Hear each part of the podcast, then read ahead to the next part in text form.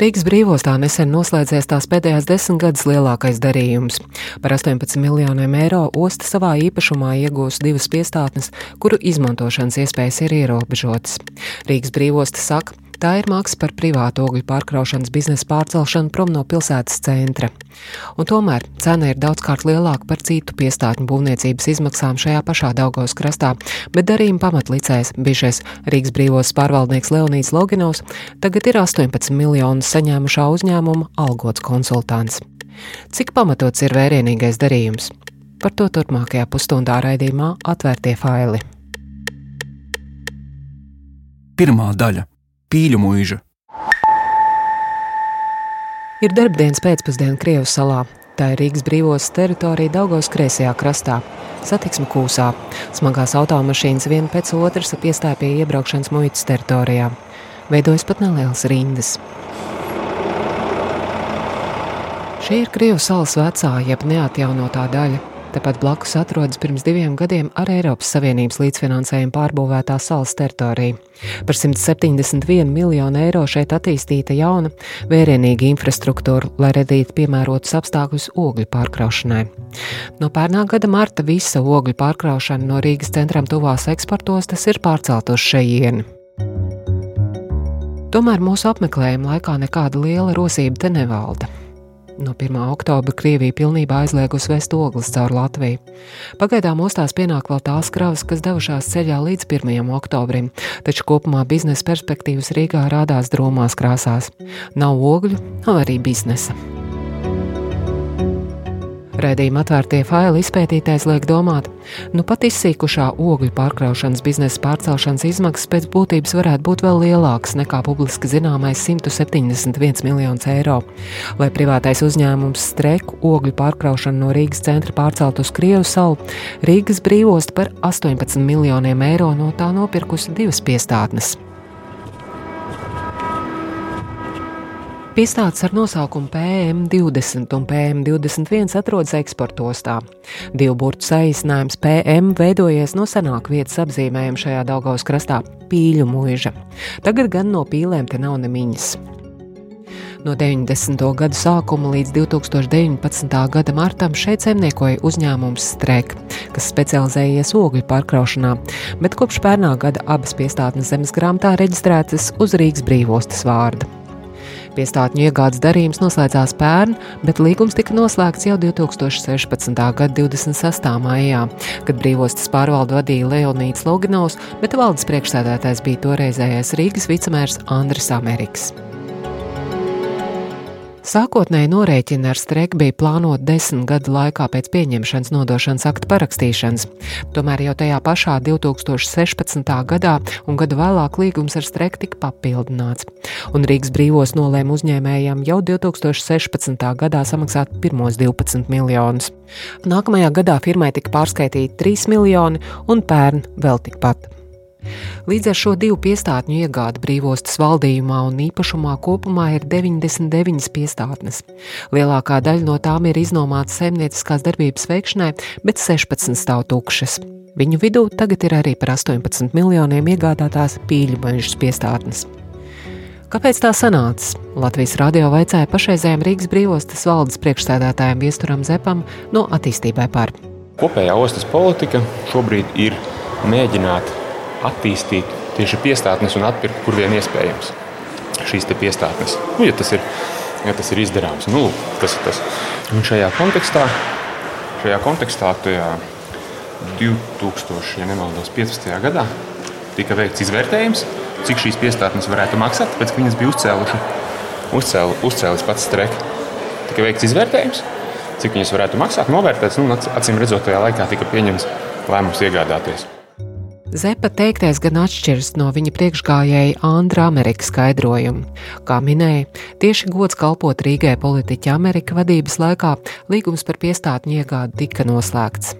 Ostai nekādā gadījumā nevajag pirkt privātas piestātnes. Un tas ir pilnīgi pretēji no eh, nu, visiem nosacījumiem. Vienīgais galvenais arguments, ja es pareizi atceros, bija saistīts tikai un vienīgi ar to ogļu pār, ir, e, nu, to pārcelšanos uz Krievijas salu. jo šī bija vienīgā privātā piestāde, kas to teritoriju neļāva rekultivēt. Nu, tas ir nodrošināt attiecīgs Eiropas nosacījums.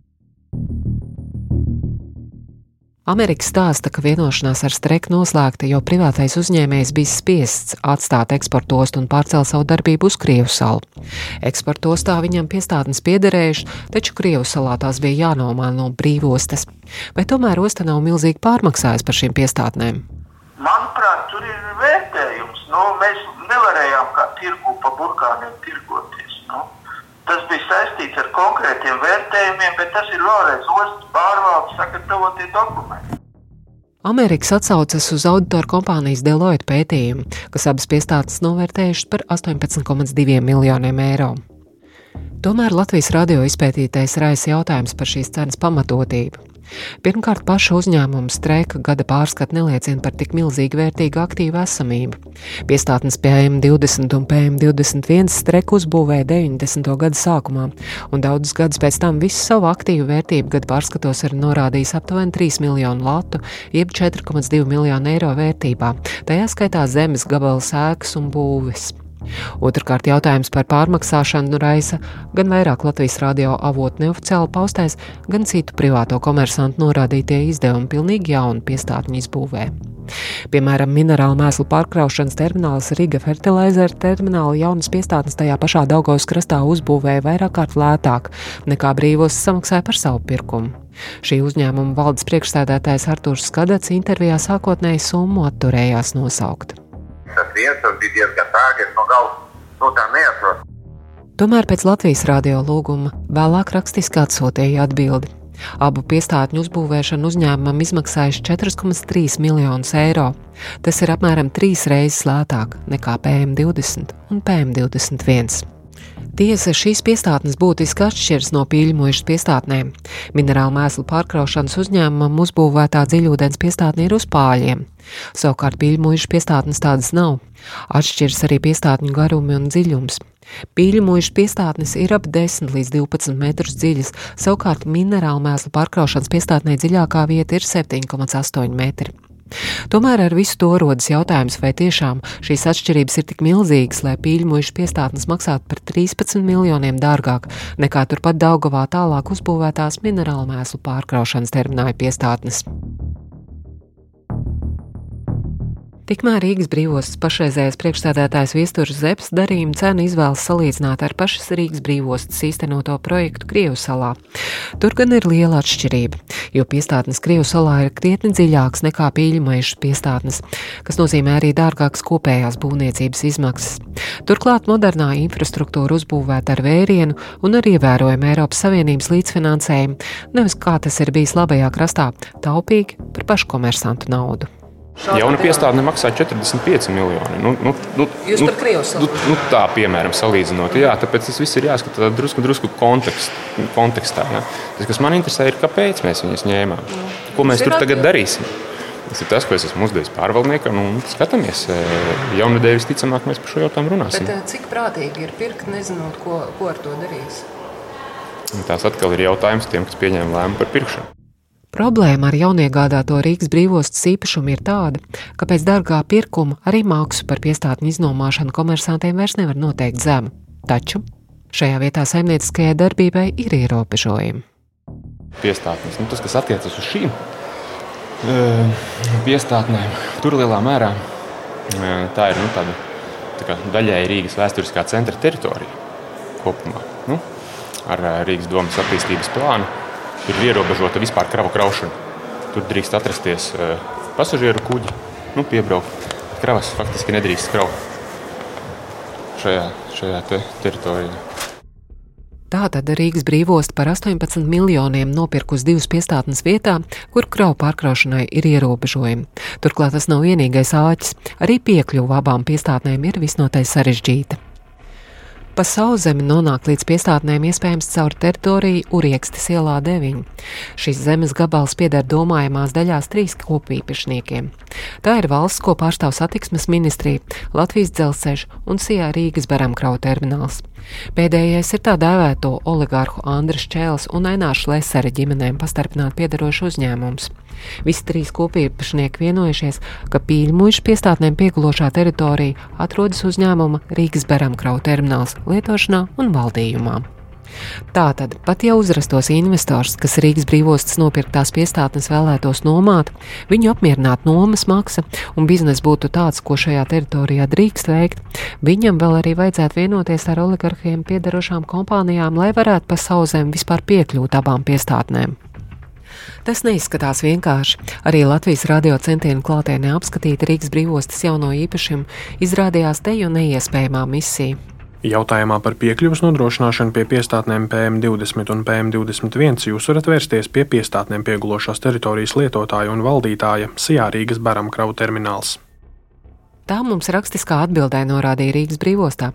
Savukārt Rīgas Beramkrau termināla īpašnieka uzņēmuma Rīgas tirzniecības osta valde izskatīs Latvijas radio lūgumu apskatīt piestātnes atbildēja šādi. Tā kā piestātnes PM20 un PM21 šobrīd nav nesija Rīgas baramkrauju termināls nomā ne īpašumā, tad par to apskatījums jāvienojas ar piestātņu īpašnieku Rīgas brīvostas pārvaldi. Beigās Latvijas radio tomēr piestātnes izdodas apskatīt. Vietā, kur savulaik notika aktīva saimnieciskā darbība, tagad silpo vējš. Gar vienu no piestātnēm slēdz šķeldas krāvumu, bet pašas piestātnes izskatās neviens neizmanto. Rīgas ostas kapteiņa dienesta mājaslapā gan pavīdēja cita informācija. Interneta adresē arnishd2.lv, kurā apkopota plaša un gan specifiska informācija par Rīgas ostu, tās normatīviem aktiem, kuģošanas drošību un ostas kapteiņa jaunākajiem ziņojumiem, vēl septembrī bija atrodama informācija, ka ar abām pīļmuišu piestātnēm operē oligarhiem piedarošais Rīgas Beramkrau termināls. Kad Latvijas radio sāk par to uzdot jautājumus, pazuda ne tikai informācija par abām PM piestātnēm, bet visa mājaslapa. Oligarhu biznesa pārstāvi noliedz, ka pīļmuļu piestātnes izmantot, taču uzņēmumā Rīgas tirzniecības osta stāsta, ka šādu nolūku esot un pašlaik tiekot saskaņot nomas līgumu. Savukārt Rīgas brīvosta kapteiņa dienesta mājaslapā publicēto informāciju atteicās komentēt, jo nevarot atbildēt par svešām mājaslapām. Kas uzturēs šo lapu un vai tā netiek finansēta par Rīgas brīvostas līdzekļiem, brīvostas pārvalde neatbildēja. Otrā daļa - Svecīte par labiem cilvēkiem.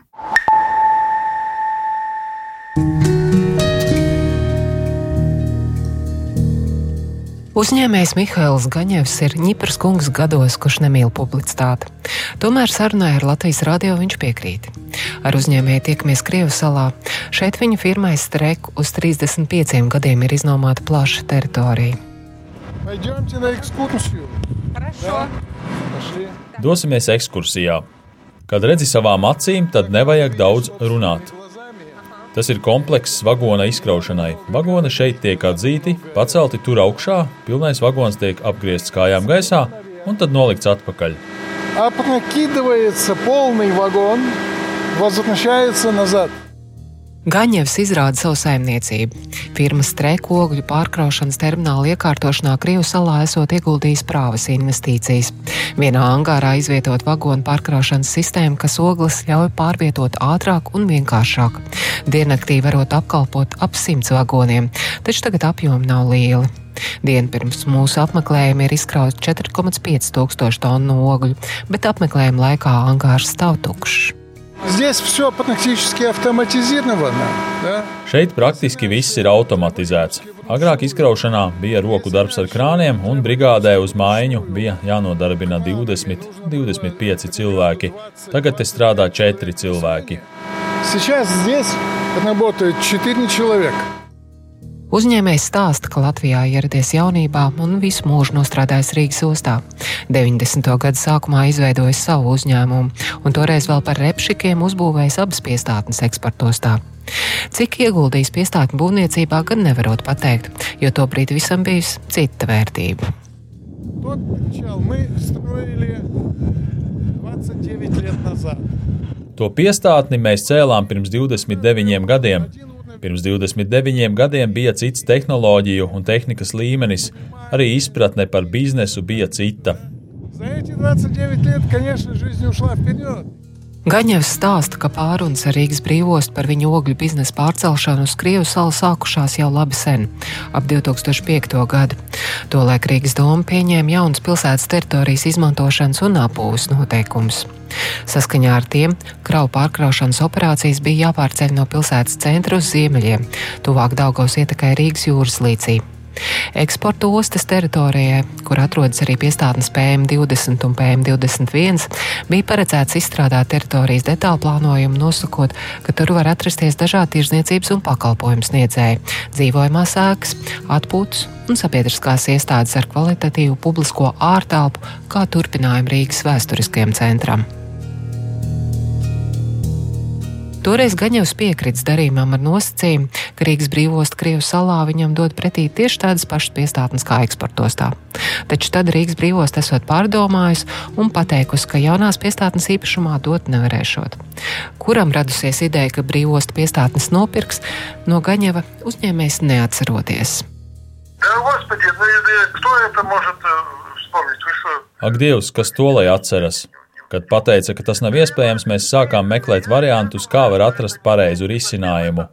Beigās pēc diskusijām nonācām pie secinājuma, ka pareizais risinājums būs, ka mēs ostai pārdosim piestātnes. Osta no mums tās nopirks, bet mēs, pārceļoties uz Krievu salu, maksāsim īres maksu par piestātņu zemes nomu. Будем платить арендную плату. Gaņevs uzsver, ka Streka varēja iestāties pozīcijā un nepiekrist ogļu biznesa pārcelšanai uz Krievu salu, taču uzņēmums esot bijis atvērts sarunām. Pirkuma cenu gan nesot diktējis.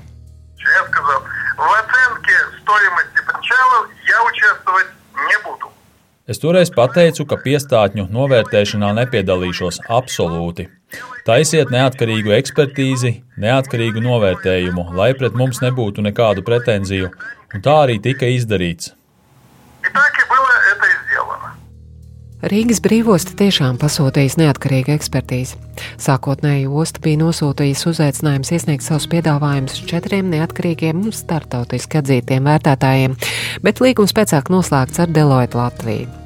Piestātņu PM20 un PM21 novērtējums veikts uz 2014. gada 31. decembri, un Deloitte ieskatā to vērtību tobrīd bijis 18,2 miljonu eiro. Lūgta skaidrot, kā tieši aprēķinājas piestātņu vērtību, auditoru kompānija interviju atteica, bet rakstiskās atbildēs skaidroja šādi. Tika apskatītas gan ienākumu, gan tirgus, gan izmaksu pieejas, kas ir standarta vērtēšanas metodes. Aprēķinot vērtību, tika ņemtas vērā gan A naudas plūsmas prognožu periodā, gan B potenciālā aktīvu vērtība pēc 2018. gada, izmantojot izmaksu pieeju. Deloitte veiktais vērtības aprēķins nav investīciju padoms, un jebkādus lēmumus par darījumu ir jāpieņem mūsu klientam, izvērtējot visus darījumu aspektus un riskus, tajā skaitā tādus, kas nav aprakstīti Deloitte vērtības aprēķina ziņojumā. Tā brīža Rīgas brīvostas valdes priekšstādātājs Andris Amerikas stāsta, ka lēmumu pirkt pieļamojušas piestātnes par 18 miljoniem esot atbalstījuši nevien Rīgas domas pārstāvi brīvostas valdē, bet arī satiksmes un finanšu ministrijas pārstāvi. Un vienmēr ir tā, ka satiksmes ministrija un attiecīgi arī finanšu ministrijas pārstāvi ļoti detalizēti pārbauda šīs lietas. Un, ja satiksmes ministrijas un, eh, šis, un arī attiecīgi finanšu ministrijas pārstāvi par šo jautājumu balsoja, tad īstenībā nu, tur praktiski debats nav. Viņš bija es vienbalsīgs. nerunāju, eh, nu, es tagad man atmiņā ir, ka vienbalsīgi. Satiksmes ministrija tobrīd Rīgas brīvostas valdē pārstāvēja Artis Stutska. Šeit es neatceros, ņemot vērā, ka ir diezgan ievērojams laiks pagājis, bet, eh, ja es pareizi atminos, tad bija novērtējums, uz kā mēs balstījām savu lēmumu. Stutskas vārds savulaik izskanēja tā dēvētajās rīdzenes sarunās, ko knām ierakstīja 2011. gada februārī. Tajās bija dzirdams, kā Ainārs Šlesers un Aivārs Lembergs spriež par Air Baltica slēptu iegādi, un Lembergs piesauc Arti Stutsku kā personu, kas viņam piegādājusi informāciju. Tagad Stutsku uz jautājumu, vai viņam ir bijis komunikācija ar oligarhiem vai viņu pārstāvjiem šo piestātņu iegādes procesā, atbild šādi. Es pirmkārt es nezinu, kas tika runāts rītdienā, otrkārt attiecībā par par piestātņu iegādi, es jau teicu, lēmums balstījās uz administrācijas sagatavotajiem dokumentiem. Pavisam nerunīgi par šo pirkumu ir ilgadējā finanšu ministrijas pārstāve Rīgas brīvostā Baiva Bāne. Viņa tur strādā kopš 2013. gada. Neklātienes intervijai, ne telefona intervijai ministrijas valsts sekretāra Bāna laika neatrada. Taču rakstiskās atbildēs savu atbalstu pīļmuļu piestātņu iegādēji skaidroja šādi. Minētie lēmumi tika pieņemti ņemot vērā veiktos izvērtējumus. Valde lēmumu pieņēma vienbalsīgi, pamatojoties uz brīvostas administrācijas sagatavoto materiālu. Savukārt piestātņu iegādes cena tika noteikta atbilstoši starptautiskas auditoru kompānijas veiktajam vērtējumam. Bāne aicināja ar papildus jautājumiem vērsties pie Rīgas pārvaldnieka Anša Zeltiņa. Viņš sazvanīja sākotnēji laipni atsaucis Latvijas radio lūgumam sniegt skaidrojumu. Tā mums vajag kaut kā satikties, nu, ko mēs te pa telefonu. Jā, kā jums ir ar, la... Jā, kā jums ir ar laikiem pirmdienu? Tā, pirmdien, pirmdien. Zināt, es iedošu lielai komandu un kaut kā sarunājumu. Es domāju, ka varam pirmdien vai otrdien jau. Tomēr intervija ar Zeltiņu šoreiz nenotika. Kad Latvijas radio Rīgas brīvostē nosūtīja detalizētākus jautājumus par pīļmuļu piestātņu iegādi, Rīgas brīvostas pārvaldnieks pēkšņi kļuva ļoti aizņemts un interviju atteica. Rakstiskās atbildēs uz jautājumu, vai darījuma cena 18 miljonu par šīm piestātnēm nav pārāk augsta, Zeltiņš ir izvairīgs. Norādīts, ka darba pienākums Rīgas brīvostas pārvaldē viņš sācis pildīt 2017. gada 1. augustā, un minēto lēmumu pieņemšanā nav piedalījies. Atgādinām, ka lēmums par piestātņu atsevināšanu tika pieņemts 2015. gadā. Piestātņu novērtējumu veica starptautiska auditora kompānija atbilstoši starptautiski atzītai metodoloģijai. Arī bijušais Rīgas ostas pārvaldnieks Leonīds Loginovs uz šiem jautājumiem nevēlējās atbildēt. Latvijas radio sazvanīts Loginovs norādīja, ka bijis tikai izpildvaras pārstāvs. Kad sāk uzdot detalizētākus jautājumus, Loginovs atbildēja, ka katru dienu ejot uz baznīcu nolikt svecīti par labiem cilvēkiem, lai nekas slikts viņiem negadoties, bet neko saistībā ar šo lietu viņš nekomentēšot. Trešā daļa - runas par kukuļiem ir tikai runas.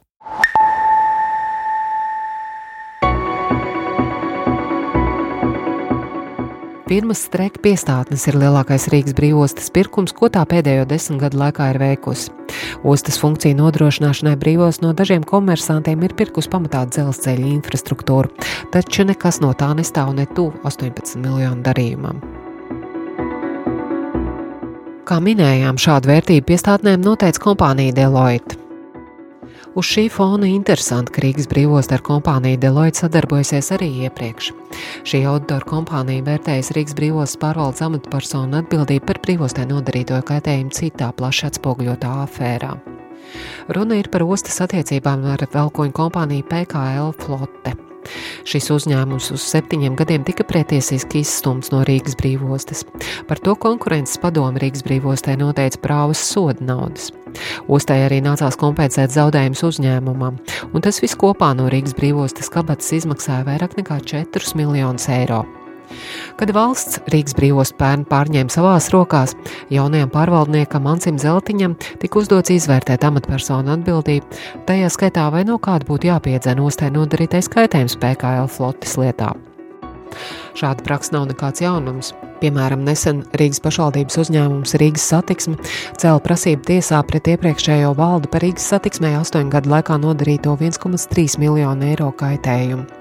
Pašvaldības uzņēmuma valde savulaik bija pieļāvusi fiktīvu nodarbinātību un nav rīkojusies kā rūpīgam saimniekam pienāktos, tāpēc tagad jaunā valde vēršas pret iepriekšējo par zaudējumu piedziņu. Lai arī princips ir līdzīgs Rīgas brīvos gadījumā, acīm redzot, iepriekšējās amatpersonas netiks sauktas pie atbildības. Pārvaldnieks Zeltiņš no atvilktnes izvilcis vecu, vēl 2016. gadā tapušu Deloitte atzinumu, kurā juristi nekādu Rīgas brīvostas amatpersonu atbildību par brīvostē nodarītiem zaudējumiem PKL flotas lietā nesaskatīja. Deloitte pamatojums Konkrētajā gadījumā tiesību normu nepareiza piemērošana vai interpretācija nav uzskatāma par rupju neuzmanību, jo viedoklis, kas ir bijis rīcības pamatā, nav uzskatāms par juridiski neadekvātu. Tas, ka augstākā iestāde vai tiesa vēlāk ir paudusi citu viedokli, nav apstiprinājums tam, ka amatpersonu viedoklis bijis juridiski neadekvāts. Tādēļ amatpersonām, kas pieņēmušas attiecīgos lēmumus, neiestājas civiltiesiskā atbildība. Šis Deloitte ziņojums joprojām tiek pasniegts kā aktuāls par spīti tam, ka valsts policija nu pat rosinājusi prokuratūrai sākt kriminālu vajāšanu pret bijušo pārvaldnieku Leonīdu Loginovu vietnieku Aigaru Pečaku. Policija savākus pierādījumus Pečakas augšanai pie atbildības par iespējamu pretiesisku un neekonomisku rīcību vadot infrastruktūras attīstības projektu jau pieminētajā Krievu salā.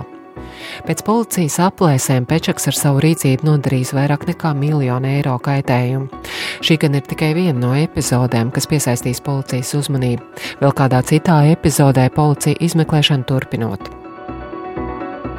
Tikmēr Rīgas brīvos pārvaldnieks Leonīds Loginovs, kur laikā 18 miljonu līgumu ar streku noslēdza, tagad pats tajā piepelnās. To Latvijas radio apstiprina streku īpašnieks Gaņevs. Loginov eh, прекрасный специалист по порту. Loginovs ir lielisks ostas speciālists, un mēs arī šodien izmantojam viņa pieredzi konsultācijās par jaunā ostas likuma izstrādi. Vairāk neko. Я вам это сказал, я вам это подтверждаю. Больше ничего. Vaicāts, vai ar saņemtajiem 18 miljoniem viņam nav nācies dalīties, Gaņevs noliedz. Никогда никому никакого отношения к этому не имею. Никакого. Nekad nevienam.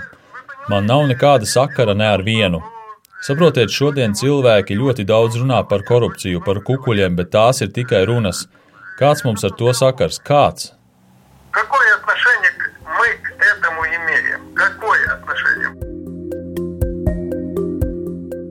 Gaņevs apgalvo, ka lielāko daļu naudas, ko saņēmis no Rīgas brīvostas, ieguldīs atpakaļ Krievu salā. Miljoniem eiro investēta gan vagonu izkraušanas mehanizācijā, gan ogļu pārvietošanas sistēmās.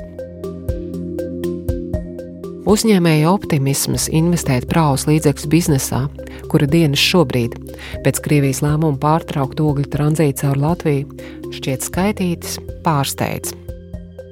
Gaņevs uz to atbild mierīgi. Dos dievs, būs, nedos, nebūs.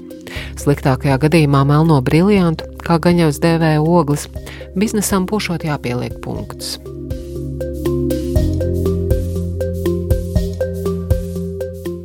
Redījumu veidoja Indra Sprāns, Anita Brauna. Klausieties mūs arī populārākajās podkāstu, jeb aplādes lietotnēs. Atvērtie faili!